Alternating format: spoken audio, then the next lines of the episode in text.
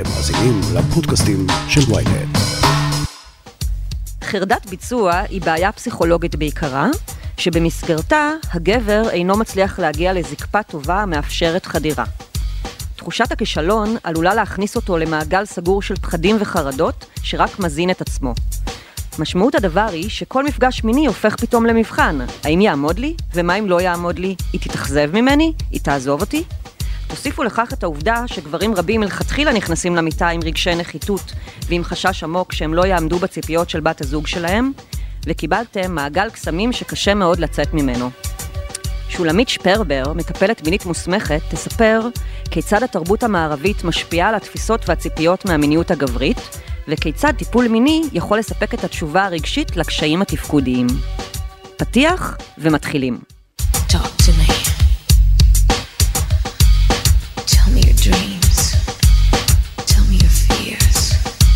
היי, אתם על סקס אפיל, פודקאסט המיניות של ynet יחסים. אני לא רשתת מאור, ואיתי באולפן שולמית שפרבר, מטפלת מינית מוסמכת. שולמית, איזה כיף שאת פה, תודה רבה שבאת. גם לי מאוד מאוד מרגש להיות כאן איתכם. מעולה. אמ, טוב, קודם כל, אה, לפני שנתחיל את העניינים, אני אשמח אם תספרי לי בעצם מה זה מיניות ומה זה מיניות גברית אה, בפרט, ובעצם איך התרבות שלנו מעצבת את המיניות הזאת. בסדר גמור. אז בואו נתחיל קצת רגע במה זו מיניות. Um, תיקחו לעצמכם רגע, תנסו לדמיין שנייה, כשאתם שומעים את המילה מיניות, מה עולה לכם בראש? לרוב האנשים יעלו כל מיני מילים כמו זקפה, אורגזמה, חדירה, um, זרע. עכשיו בואו נלך רגע ונראה מה ארגון הבריאות העולמי אומר על מיניות ואיך הוא מגדיר את המילה מיניות. אוקיי. ארגון הבריאות העולמי מגדיר מיניות ככה, אנרגיה פנימית הדוחפת אותנו למצוא אהבה, מגע, חום ואינטימיות. כמה אחר, כמה אחרת ההגדרה הזו מכל המילים שמתארות ביצוע. אה, נכון, ביצוע ממוקד וספציפי. בדיוק. אז כשאנחנו מדברים על מיניות גברית, וכמו מיניות באופן כללי, מיניות היא מושג- מאוד מאוד רחב, אמ, שקשור לחיפוש אחר חום ואינטימיות, ויש בה אלמנט גם של תפקוד מיני. וזקפה גם יכולה להיות חלק ממנה, וחדירה גם יכולה להיות, אבל היא לא הכל, והיא לא המרכז, והיא לא הדבר היחיד. עכשיו, מה הבעיה? איפה המלכוד? איפה המלכוד? שרובנו היום, תראו, פורנו היום מאוד מאוד נגיש. בעבר, אנשים היו, החינוך המיני, אני לא אומרת שהחינוך המיני בעבר היה מושלם, אבל היה איזשהו מנגנון פנימי, שעם ההתפתחות המינית והבשלות, מתחילים פנטזיות, אנשים קצת מקבלים מפה ידע, קצת משם, יש איזשהו תהליך אורגני של התפתחות מינית, ואנשים לאט לאט נחשפו לסודות העולם. היום פורנו הוא כל כך כל כך נגיש, ומדברים על, אמ, על כך שמגיל 11, זה הגיל הממוצע שילדים נחשפים לפורנו, והגילאים הממוצעים של הצרכנים הם 11 עד אנחנו מדברים 18, זאת אומרת רוב החינוך המיני של אנשים היום הוא דרך הפורנוגרפיה. וכשאנשים מתחנכים על פורנוגרפיה, הם בעצם נחשפים לדימויים שלא ריאליים. כמו מה? כמו מה? אמ, אנחנו מדברים על אה, איברי מין מאוד גדולים, על זקפות בלתי נגמרות, על מין שהוא מאוד מאוד ממוקד ביצוע, אין שום אינטימיות, אין קשר, אין יחסים.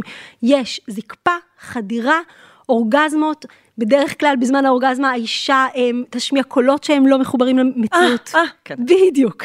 עכשיו, מה קורה? אנשים צופים בפורנו, והם חושבים שהם צופים בדוקו, בסרט של national geographic, כשבעצם הם צופים במשהו שהוא יותר דומה למדע בדיוני. עכשיו, אין מי שיתווך את זה לילדים ולבני הנוער, אז הם גדלים על דימויים מאוד, אה, מאוד לא מחוברים למציאות. עכשיו, מה קורה? כשהם מגיעים ליחסי מין, בעצם יש להם כל הזמן בראש השוואות בינם לבין הדימויים שהם נחשפו אליהם בפורנו.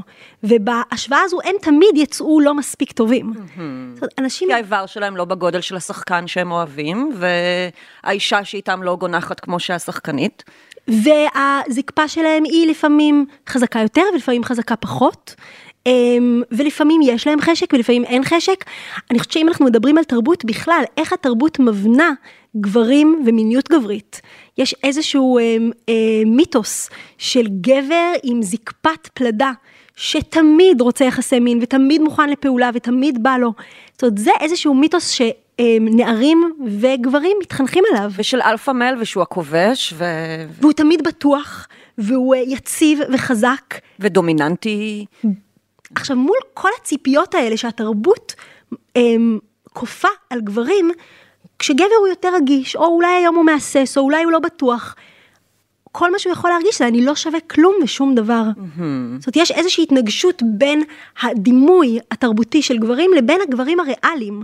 וכמו שיש לנו את זה עם נשים ומודל היופי, זאת אומרת, מגיל אפס אנחנו נחשפות נון סטופ לדימויים אה, של גוף גם לא ריאלי, מרוטש בפוטושופ, וכשאנחנו באות ומשוות את עצמנו אליו, אנחנו תמיד נהיה לא מספיק טובות. אותו דבר גברים, אני חושבת שיש היום, מאז המהפכה הפמיניסטית שהתחילה בשנות ה-60, זה דבר מדהים, אבל יש מהפכה עצומה, אה, ואנחנו בעצם יודעים לזהות דיכוי של גב- נשים, ו, ויש שינויים מאוד משמעותיים. אני חושבת שהתרבות גם מדכא גברים.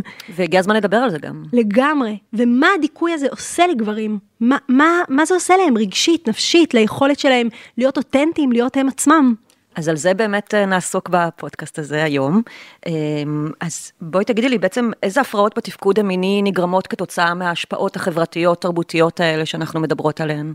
אז כן חשוב לי להגיד, זה לא רק כתוצאה מההשפעות האלה, אני חושבת שהשפעות התרבותיות לאנשים גם יש כמובן סיפור פרסונלי, לכל אחד יש את הסיפור הפסיכולוגי והמשפחתי שהוא מגיע ממנו, אבל כן לתרבות יש חלק גדול מזה.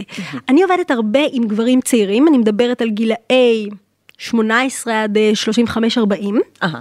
אמ, ה- קשיי תפקוד שאני פוגשת אצל גברים בעיקר יהיו חרדת ביצוע, זאת אומרת קושי להגיע לזקפה אבל שנובעת מחרדה ואנחנו עוד רגע נסביר איך אנחנו- עושים הבחנה מבדלת, שפיכה מהירה, פליטת זרע מוקדמת או אה, שפיכה מעוכבת אבל אנחנו פחות נעסוק בזה היום. אוקיי.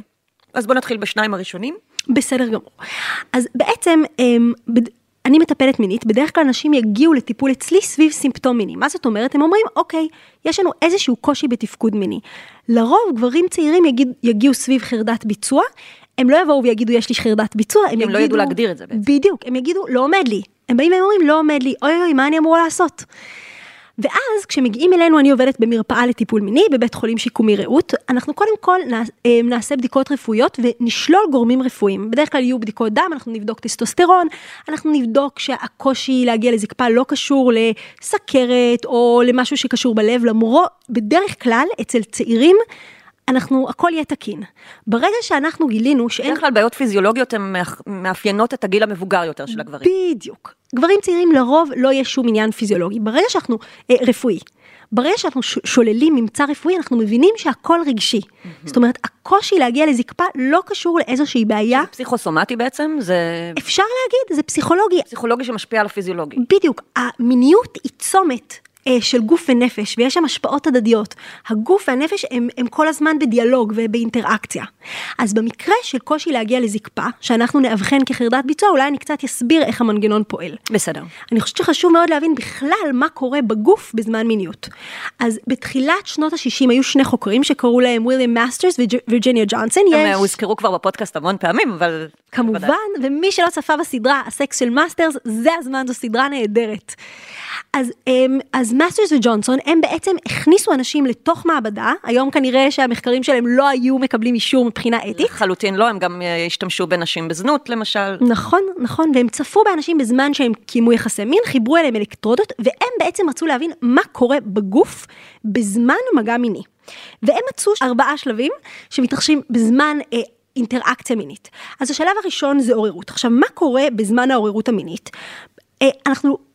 העוררות המינית יכולה להתרחש כתוצאה מכל מיני דברים. זה יכול להיות בגלל דימוי ויזואלי שגירה את, ה, את האדם, וזה הכניס כמו אותו. בפורנו. כמו בפורנו, כמו סתם לראות אישה יפה ברחוב, כמו זה יכול להיות קשור לאיזשהו, בכלל גירוי של אחד החושים, ריח, משהו שהוא שמע, זה יכול להיות משהו שהוא חש, זה יכול להיות כתוצאה ממגע, משהו מכניס אותו לתוך מעגל התגובה המיני. השלב הראשון במעגל התגובה המיני הוא העוררות. בזמן העוררות יש מדדים פיזיולוגיים שעולים, יש עלייה בלחץ הדם, הדופק עולה, ויש זרימת דם מוגברת לאיברי המין, מה שגורם להתחלה של זקפה אצל הגבר ולסיכוך נרתיקי אצל האישה. אצל האישה גם הנרתיק משליש את הגודל שלו, זאת אומרת תפנות הנרתיק מתרחבות, עד הגדגן אה, אה, גדל, כל השפתיים הפנימיות וה, והחיצוניות מתמלאות אה, אה, בדם. יש בעצם זרימת דם מוגברת לאיברי המין. השלב הבא במעגל התגובה המיני זה המישור, המדדים ממשיכים לעלות, המדדים הפיזיולוגיים, אבל הם לא מגיעים לשיא, זה שלב שבדרך כלל כשיש חדירה, זה השלב שבו תתרחש החדירה, בזמן הפלטו, המישור. זאת אומרת, המדדים ממשיכים לעלות, אבל הם עדיין לא בשיא, המדדים הגופניים. אה, אנחנו מדברים על הדופק, על הלחץ דם, אוקיי? אחרי זה יש לנו את האורגזמה, שהיא הפיק, זה השיא, זה השלב שבו המדדים מגיעים לשיא, ובעצם יש איזשהו פורקן של מתח, וזה יכול להתבטא גם ב, אצל נשים. אה, התכווצויות ריתמיות של שרירי רצפת האגן, אצל גברים גם זה יהיה הפליטה של הזרע בדרך כלל, אבל כמובן לא בהכרח. ואחרי זה יש לנו את ההתרה. ההתרה זה השלב בו הגוף חוזר לעצמו. הקתרזיס כזה. זה, ההתרה זה השלב שהגוף, זאת אומרת, האורגזמה זו אמ, פריקת המתח. בהתרה הגוף פשוט חוזר למדדים הבסיסיים שלו, לפני כל העליות של המדדים הגופניים. עכשיו, בחרדת ביצוע, מה קורה? בעצם, בשביל שתתרחש זקפה, אנחנו צריכים שתהיה זרימת דם מוגברת לאיבר המין. כן. אבל אדרנלין, שהוא הורמון שמופרש בזמן חרדה, הוא מכווץ כלי דם. אז אם גבר מגיע למיטה, או ל- לאינטראקציה המינית, ובמקום להיות בנוכחות, ובשלווה, ובביטחון, ואני מרגיש בטוח בגוף שלי, יש כל מיני מחשבות, קוגניציות בראש, שאומרות לו, אני לא מספיק טוב, אולי אני לא אצליח, אה, האיבר מין שלי לא מספיק גדול, אני לא אצליח להביא אותו לאורגזמה, המון המון המון חרדה, מופרש אדרנלין, אדרנלין מכווץ כלי דם, מה קורה? פאף, נופלת הזקפה. זאת אומרת, אובדן הזקפה קשור לחרדה.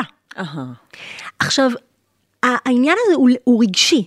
עכשיו, זה יכול להיות מכל מיני סיבות, זה יכול להיות קשור לדימוי עצמי, שאני לא מס, מרגיש, מס, שהגבר לא מרגיש מספיק טוב, לא מרגיש מספיק קומפטנט, um, um, מסוגל. וכמובן, זה יכול להיות גם קשור להרבה הרבה דימויים שהוא גדל עליהם. זאת אומרת, הרבה פעמים גברים נכנסים למיטה, ובמקום בעצם להיות באיזשהו חיבור יציב לעצמם, לגופם, להיות מחוברים להנאה, להנאה מתחילות המון המון המון מחשבות, אני לא מספיק טוב, אני לא אצליח, אני אגמור מהר, אמ, אני לא יודע מה לעשות. כל המחשבות האלה מייצרות אדרנלין, אדרנלין מופרש, כלי דם מתק... אה, אה, מתכווצים, זקפה נופלת. ובעצם יש לנו כאן מעגל שמזין את עצמו. כי החרדה פוגעת בזקפה. ואז הגבר כבר אומר, רגע, הנה, אני רואה שאני לא מסוגל. ופעם הבאה הוא יגיע למיטה והוא יגיד, אני זוכרת פעם קודמת שלא הצלחתי, אז שוב פעם, יש חרדה, ואז נוצר כדור שלג. בדיוק. חרדה לא נגמרת כזאת. בדיוק, ממש כך. הוא גם חרד מעצם האפשרות שהוא ייכשל, גם כשזה לא באמת קורה. בדיוק, זאת אומרת, זה, זה משהו שאפילו לא התרחש, כי גם יכול להיות מצב שפעם קודמת עדיין לא הרגשת מספיק בטוח, לדוגמה, אם זאת פרטנרית חדשה, ובאמת אתה לא, לא הרגשת מספיק בטוח, ואתה עדיין רוצה להכיר אותה, ולא הייתה זקפה, הכל בסדר, הכל טוב. תראי, אני חושבת שגם התרבות הפורנוגרפית, היא מבנה את אקט החדירה כיחסי המין. עכשיו, האמת היא שבתוך... סיטואציה ואינטראקציה מינית, יש כל כך הרבה שאפשר לעשות, זאת אומרת, הזקפה היא הדבר. היא דבר חשוב, אבל היא לא הדבר היחיד או המרכזי. יש כל כך הרבה דברים, אני חושבת שבכלל, כל הנושא של להרחיב את תפיסת המיניות, מה זו מיניות? מיניות זה איזשהו מפגש שלי עם עצמי, החושני, עם הגוף שלי ועם אדם אחר, בין אם זה גבר ובין אם זו אישה, איזשהו מפגש של שני גופים ומשחק. כל כך הרבה גברים מגיעים למרחב המיני, והם יגידו לי, אני מרגיש שאני מגיע אה, לתחרות, למבחן, אני כל הזמן מרגיש שאני נבחן, האם אני אצליח, האם אני לא אצליח. רק המחשבה הזו מייצרת כל כך הרבה חרדה שאתה כבר לא יכול לתפקד. לחלוטין. ובטח שלא להיות נוכח ברגע. להיות נוכח ברגע, לענג, להתענג, לשים לב לפרטנרית, לשים לב לעצמך. אז מה עושים במקרה הזה בטיפול מיני? טיפול מיני הוא מורכב ויש בו הרבה הרבה היבטים, אבל קודם כל אנחנו נרצה בכלל לשמוע, לה- לשמוע מה התפיסות של הגבר שמגיע לטיפול מיני ביחס לעצמו, ביחס לגוף שלו, ביחס למיניות, מה הוא יודע על מיניות. הרבה פעמים נגלה שבאמת כל מה שהוא יודע על מיניות זה זקפה, אורגזמה, חדירה, ואנחנו נרצה קודם כל לה- להרחיב לו את המושג של מיניות, שהוא יבין שחוץ מזקפה, חדירה ואורגזמה יש עוד כל כך הרבה, אנחנו נרצה ללמד אותו את האפשרות של לענג את הפרטנרית שלו בעוד הרבה הרבה דרכים, אנחנו נרצה להחזיר אותו לתפיסה של מיניות כמרחב משחקי. מרחב להנאה ולבוא בלי ציפיות. עכשיו, זה באמת, צריך להבין שזה מין מעגל שמזין את עצמו. ככל שגבר מגיע עם פחות ציפיות מעצמו ויותר בנחת ובמקום של אני בא ליהנות, אני לא מצפה לכלום. אמ, אחד המורים שלי הגדולים, פרופסור רפי חירותי, הוא תמיד אומר, מבחינתי, אם גבר מסוגל לעמוד מול הפרטנרית שלו עם איבר מין רפוי ולהגיד, שמי, היום לא עומד לי, מה לעשות, אין מצב רוח.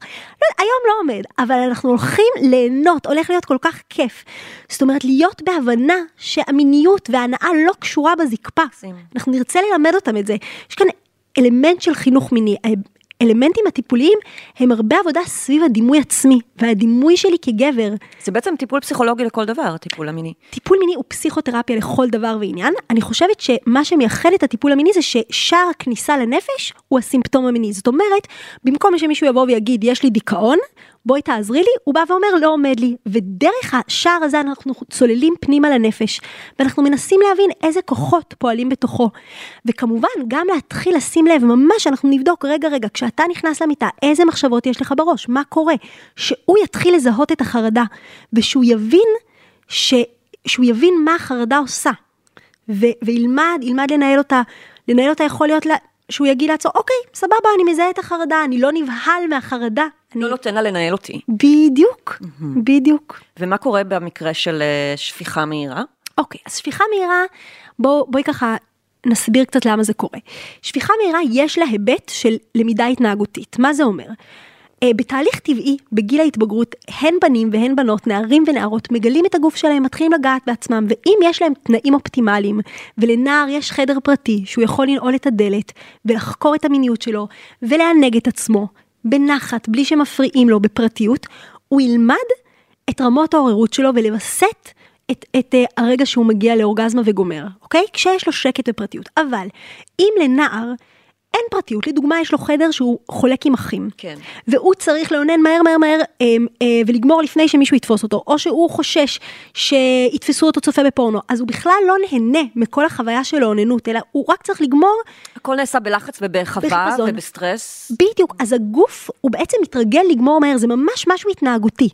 אה, גם אם, אה, אם אה, נער מרגיש מאוד אשם על האוננות שלו, הוא מרגיש שהוא עושה משהו אסור, אז במקום ליהנות מהחוויה ולחקור את המיניות שלו בנחת, מתוך סקרנות, מתוך חיוניות, אז הוא אומר, טוב, רק שאני אפרוק את האנרגיה המינית, ושאני לא, אני לא אחשוב על זה שאפילו עשיתי את זה. אז בעצם הצלחתם לאתר שהפרעות בתפקוד קשורות קודם כל בהתנהגות ובלמידה המינית הראשונית של הילד, של הגבר בתור נער. חד משמעית, זאת אומרת, אם יש לו אפשרות לחקור את המיניות בנחת, רוב הסיכויים שהוא ילמד לווסת את, ה, את הרמות עוררות שלו ולזהות מתי הוא מגיע בכל הנושא של אורגזמה אצל גברים. יש לנו את נקודת האל חזר, זאת אומרת, אם יש לנו עוררות 0 ועוררות 10, יש איזושהי רמה של עוררות מינית שגבר מגיע אליה, שכשהוא חוצה את הרמה הזו, הוא כבר אין לו שליטה. עכשיו, בתהליך הלמידה הטבעי, כשהוא לא מופרע, אז הנער מזהה את נקודת האל חזור שלו, והוא יכול לווסת את זה ולשחק עם זה. אני, הוא יודע לא להגיע לקצה שלו, לא להגיע לפיק, ולווסת מתי הוא רוצה לגמור. אם אין לו את התנאים האלה, אז בעצם הוא לא, הוא לא מכיר את עצמו. אה, ובגלל זה מתבצעת שפיכה מהירה, כי הוא לא יודע לזהות את הרגע לפני. בדיוק. עכשיו, זה יכול להיות זה. עוד משהו שיכול להיות זה גם החרדה. כי מה החרדה עושה? זאת אומרת, זה יכול להיות קשור ללמידה התנהגותית, וזה יכול להיות או או בשילוב של חרדה. אם בחור, לדוגמה, אה, יש לו חרדת ביצוע, הוא לא מצליח להגיע לשפיכה, אה, אה, לזקפה, אז הרבה פעמים הוא במין מקום ש...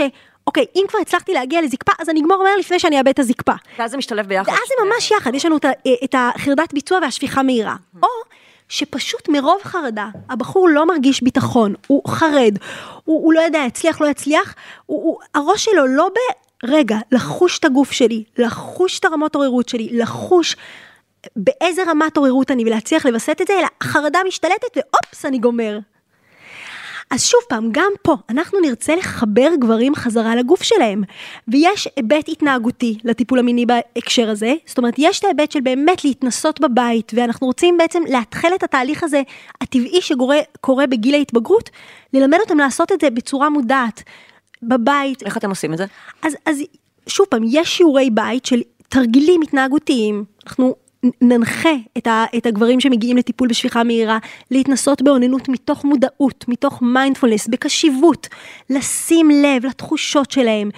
ממש להיות בנוכחות, להיות מחוברים חזרה לגוף שלהם, ויש כמובן... וגם ללמוד לזהות את השלבים שהם נמצאים בו. בדיוק, אנחנו נרצה לזה... שהם ילמדו לזהות, שוב פעם, אם אמרנו, אם יש להם מ-0 עד 10, אנחנו נרצה שהם יתחילו לזהות, אוקיי, עכשיו אני באחת, עכשיו אני ברמת עוררות 2, עכשיו אני ברמת עוררות 3, או אני מתקרב לרמת עוררות 8, שנייה, אני לא רוצה לגמור. עכשיו, כל הדבר הזה הוא נעשה בשיעורי בית, זאת אומרת, הגבר מתרגל בבית שלו את התרגולים האלה, ואז בטיפול אנחנו מדברים על זה, ואנחנו אנחנו לומדים לראות מה קורה.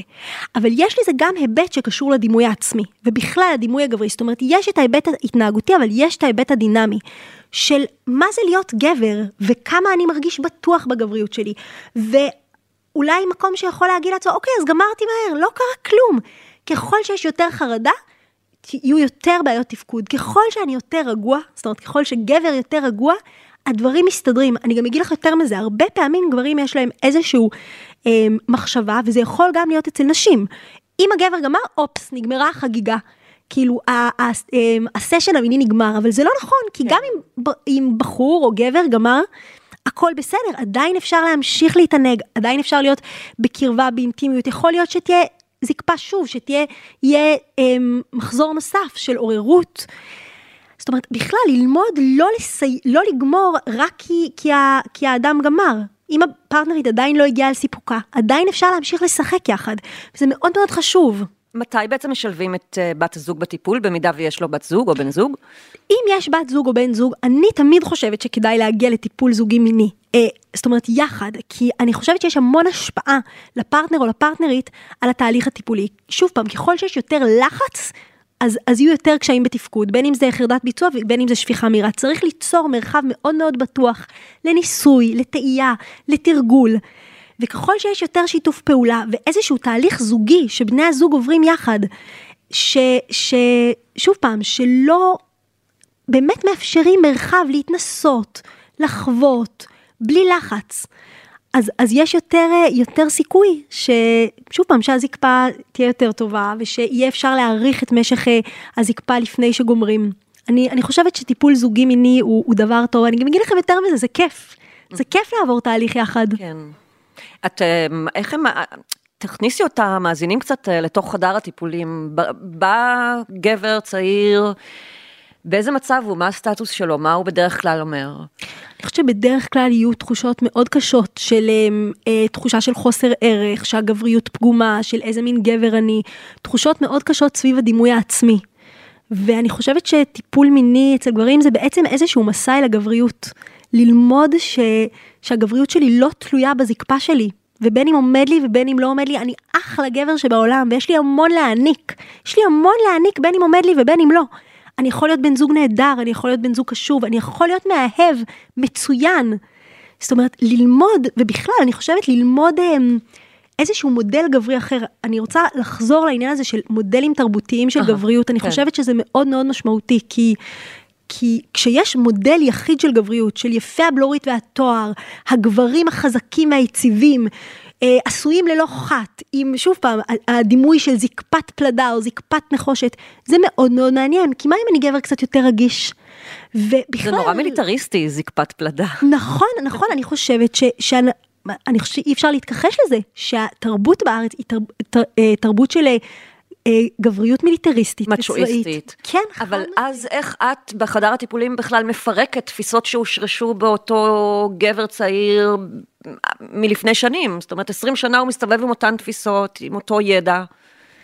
אני חושבת שלאט לאט, זו התשובה, לאט לאט, ואני חושבת שזה בעיקר, את יודעת, איזשהו מקום של שאלת שאלות על התפיסות האלה.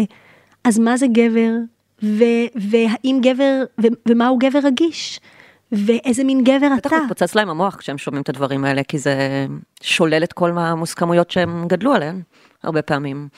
אני חושבת שזה תהליך באמת מאוד מאוד הדרגתי. זאת אומרת, זה לא, זה משהו ש... תהליכי טיפול הם באופן כללי, הם תהליכים אה, ש, שיש זמן. ואני חושבת שלהרבה גברים, אולי בהתחלה זה קצת מאיים, אבל אחרי זה יכול להיות מאוד משחרר. מאוד מאוד משחרר. כמה כי זמן נמשך טיפול כזה בעצם? אצל כל אחד זה אחרת. אני לא יכולה להגיד, אני חושבת שזה גם מאוד תלוי על מה הקושי התפקודי יושב. כי יכול להיות גבר שמגיע עם אה, קושי באמת לשלוט בזמן של השפיכה, שזה באמת משהו יותר התנהגותי, ואז קצת תרגול ו- והוא יכול להמשיך בחייו. אם זה יושב על כל מיני דברים רגשיים, זה יהיה תהליך יותר ארוך. אהה. אני, אני חושבת שיש משהו ב, בהרחבת המושג של הגבריות שהוא יכול מאוד מאוד לשחרר. ובכלל, כל המקום, אני חושבת שזה גם משהו שהוא די אה, מהפכני עבור גברים. גברים הם לומדים ומתחנכים על להיות למען, להיות חזקים, להיות דומיננטיים, ופתאום אנחנו באים בטיפול ואנחנו אומרים, רגע, תקשיב לעצמך. לדוגמה, אני חושבת אה, הרבה פעמים גברים צעירים שהם עדיין לא במערכות יחסים קבועות ויש להם הרבה אינטראקציות שהן יותר חד פעמיות. ו, ויש גם איזושהי אמ, ציפייה מעצמם כאילו לתפקד בכל מצב עם כל פרטנרית. עכשיו רגע, אם לא עומד לך עם פרטנרית חדשה שהרגע פגשת בבר, אולי הגוף שלך אומר שהקצב הזה לא מתאים לך. אולי לא מתאים לך להיכנס למיטה עם מישהי שאתה לא מכיר ואין לך שום ביט... ביטחון איתה וזה מעורר מדי חרדה. אני חושבת שהסימפטום המיני, הקושי בתפקוד המיני, הוא בעצם איזושהי הזמנה של הגוף נפש שלנו להקשבה פנימה. מקסים. כן, זה כאילו הגוף בא ואומר, היי, היי, היי, רגע, תקשיב לי שנייה, רגע, משהו לא מתאים לי בסיטואציה הזאתי. אז בואו נהיה בהקשבה. אז בואו ננסה להבין למה אני זקוק כדי שאני ארגיש בטוח, כדי שתהיה לי פחות חרדה. אולי אני צריך להכיר את הפרטנרית יותר, אולי אני רוצה להגיד לבחורה שאני יוצא איתה, שנייה, תשמעי, לא מתאים לי, אני רוצה לקחת את זה לאט. אנחנו לא ניכנס לפגישה בדייט, אה, למיטה בדייטים ראשונים. בואי נכיר קצת, אולי כשתרגיש יותר בטוח, יהיה לך יותר נוח. כל הזמן אני חושבת שבטיפול אנחנו מחזירים את הגברים לגוף שלהם, לנפש שלהם, להקשבה לעצמם. בכלל, התפיסה הזו כאילו משהו פגום בי, הרבה גברים מגיעים לטיפול, יש להם איזושהי תפיסה של משהו לא עובד, תתקני אותי. ואנחנו באים ואומרים, לא, הכל בסדר אצלך, אבל משהו כנראה בסיטואציה שאתה נמצא בה לא מתאים לך, יכול להיות שהסיטואציה מעוררת בך יותר מדי חרדה, יכול להיות שיש לך איזה שהן תפיסות שמעוררות בך חר- חרדה, אתה בסדר גמור, בוא נבין למה אתה זקוק, כדי שתרגיש בנוח, ואז התפקוד יהיה יותר פשוט. איזה שיעורי בית את, את נותנת לזוגות? נגיד, אמ, או מה את אומרת לאנשים של בני הזוג? אני חושבת שלנשים של בני הזוג מאוד מאוד חשוב להיות סבלניות ולאפשר מרחב להתנסות, שלא יהיה ביקורת והאשמה. אוקיי, ושיפוטיות, ממש ממש חשופים וכאלה. חייבים להוציא את זה מהמרחב המיני. אמ, צריך שיהיה מרחב מאוד מאוד מקבל ומכיל שמאפשר להתנסות, ובכלל, להפוך את המרחב המיני לא למרחב תחרותי, לא למרחב ביצועי, אלא למרחב משחקי של ניסוי וטעייה.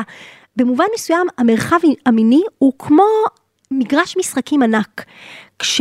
אמ, כשהופכים את המיניות רק למרוכזת וממוקדת גניטליה, פוט, פין, דגדגן, איברי מין, אנחנו ממש מצמצמים אותה. כי הגוף שלנו הוא מלא, יש לנו אין ספור קולטנים עצביים בכל כל כל הגוף, וכל העור שלנו הוא מגרש משחקים אחד גדול. אז על הזקפה או השפיכה, על זה יקום ויפול ההנאה? ממש לא. כאילו, אני חושבת שהרבה פעמים צריך בכלל לעשות איזשהו אה, איתחול, ממש לאתחל את המיניות מחדש, ומה זה אומר? לפעמים אפילו אני אמליץ לבני זוג להימנע לתקופה מקיום יחסי מין שכוללים כניסה לנרתיק. אהה. עכשיו, למה? כדי לאלץ אותם אה, למצוא בדרכים חדשות ולדמיין ו- ולפנטז ולעשות דברים אחרים ממה שהם רגילים. בדיוק, אם הם לא, אוקיי, עכשיו אני אומרת להם, עכשיו אי אפשר חדירה. אז הם צריכים לנסות להבין מה הם יכולים לעשות שהוא אחר, ופתאום הם יגלו שממש נעים להם כשהם מלטפים אחד לשני את הראש, או את הגב, או את, אני לא יודעת, את הידיים. הם אגב, גם יתחילו- אפשר להגיע לאורגזמה מדברים כאלה. חד לאו משמעית. דווקא קשורים לחדירה. חד משמעית.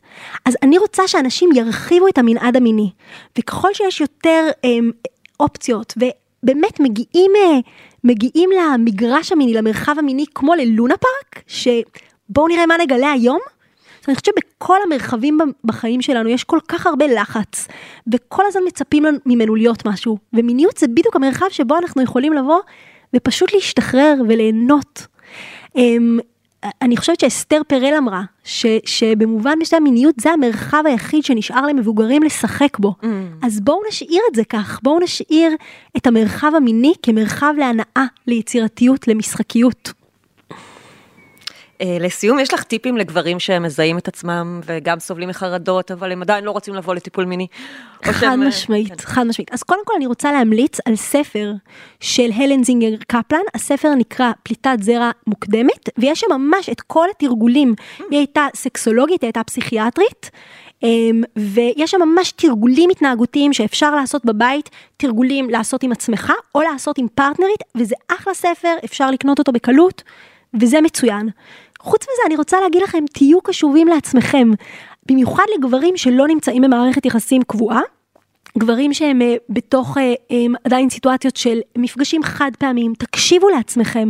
הרבה פעמים גברים מגיעים, במיוחד כאלה שהם לא במערכות יחסים ארוכות טווח, הם נכנסים לתוך איזשהו קשר והם מאוד מנסים להסתיר ורק שהיא לא תדע והם עושים כל מיני דברים כדי שהפרטנרית לא תדע וכל החוויה המינית שלהם כולה אה, ספוגה בחרדה, הסתרה, בושה, אשמה ואני רוצה להגיד שנייה תנשמו תקשיבו לעצמכם יכול מאוד להיות שבסטוצים לדוגמה אתם לא מרגישים מספיק ביטחון וזה לא מתאים לכם יש גברים בכלל התפיסה גם התרבותית גבר הוא אוהב אה, אה, לקיים יחסי מין ולכן בכל הזדמנות שתהיה לו הוא ירצה לשכב. לא נכון, יש גברים שלא מתאים להם.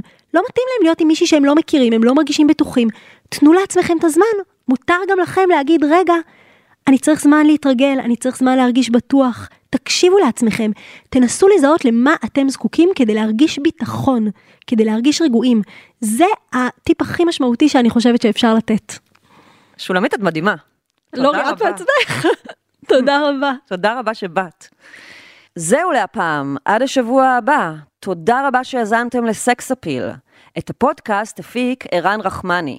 אתם מוזמנים לעקוב אחרינו בספוטיפיי, גוגל פודקאסט ובכל מקום אחר שבו אתם נוהגים לצרוך את הפודקאסטים שלכם. נשתמע בפרק הבא.